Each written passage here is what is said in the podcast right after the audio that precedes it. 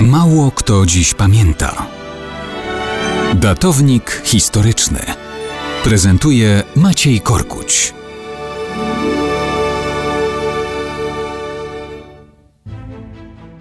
Mało kto dziś pamięta, że 17 czerwca 1272 roku król Anglii Edward I otrzymał bardzo nietypowy prezent od wysłannika sułtana Egiptu Bajbarsa.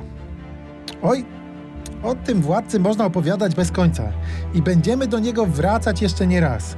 Zwany był długonogim albo Hammer of the Scots, czyli młot na Szkotów. To on podbijał Walię i Szkocję. To on był angielskim królem, przeciw któremu buntował się szkocki William Wallace, bohater filmu Braveheart Mela Gibsona.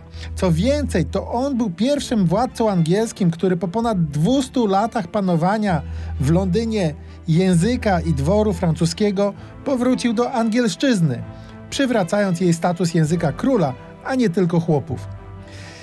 Gdzie on nie walczył? Walczył w Anglii, zdobywał Londyn w czasie wojny baronów. Podbijał Walię i podporządkował ją, a potem tłumił bunty Walijczyków, mordował ludność i budował zamki.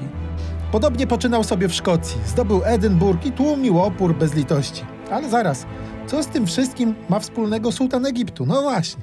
Po drodze Edward wziął udział w wyprawie krzyżowej. Działo się to po tym, jak sułtan Bajbars zlikwidował księstwo Antiochii, a właśnie rozpoczął oblężenie Akki.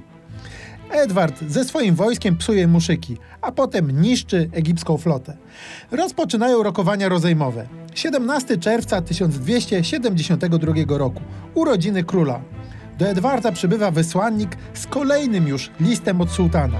Król Edward przyjmuje go osobiście, bez straży. Rozmowa początkowo przebiega rutynowo, ale nagle poseł sułtana wyciąga sztylet i rzuca się na króla. Próbuje zabić. Ten odchyla się. Zostaje ranny w ramię, ale powala napastnika i wbija mu sztylet między oczy.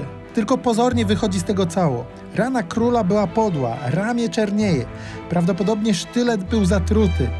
I dopiero usunięcie całych mięśni ratuje mu w końcu życie. Od taki to był nietypowy prezent dla króla na urodziny.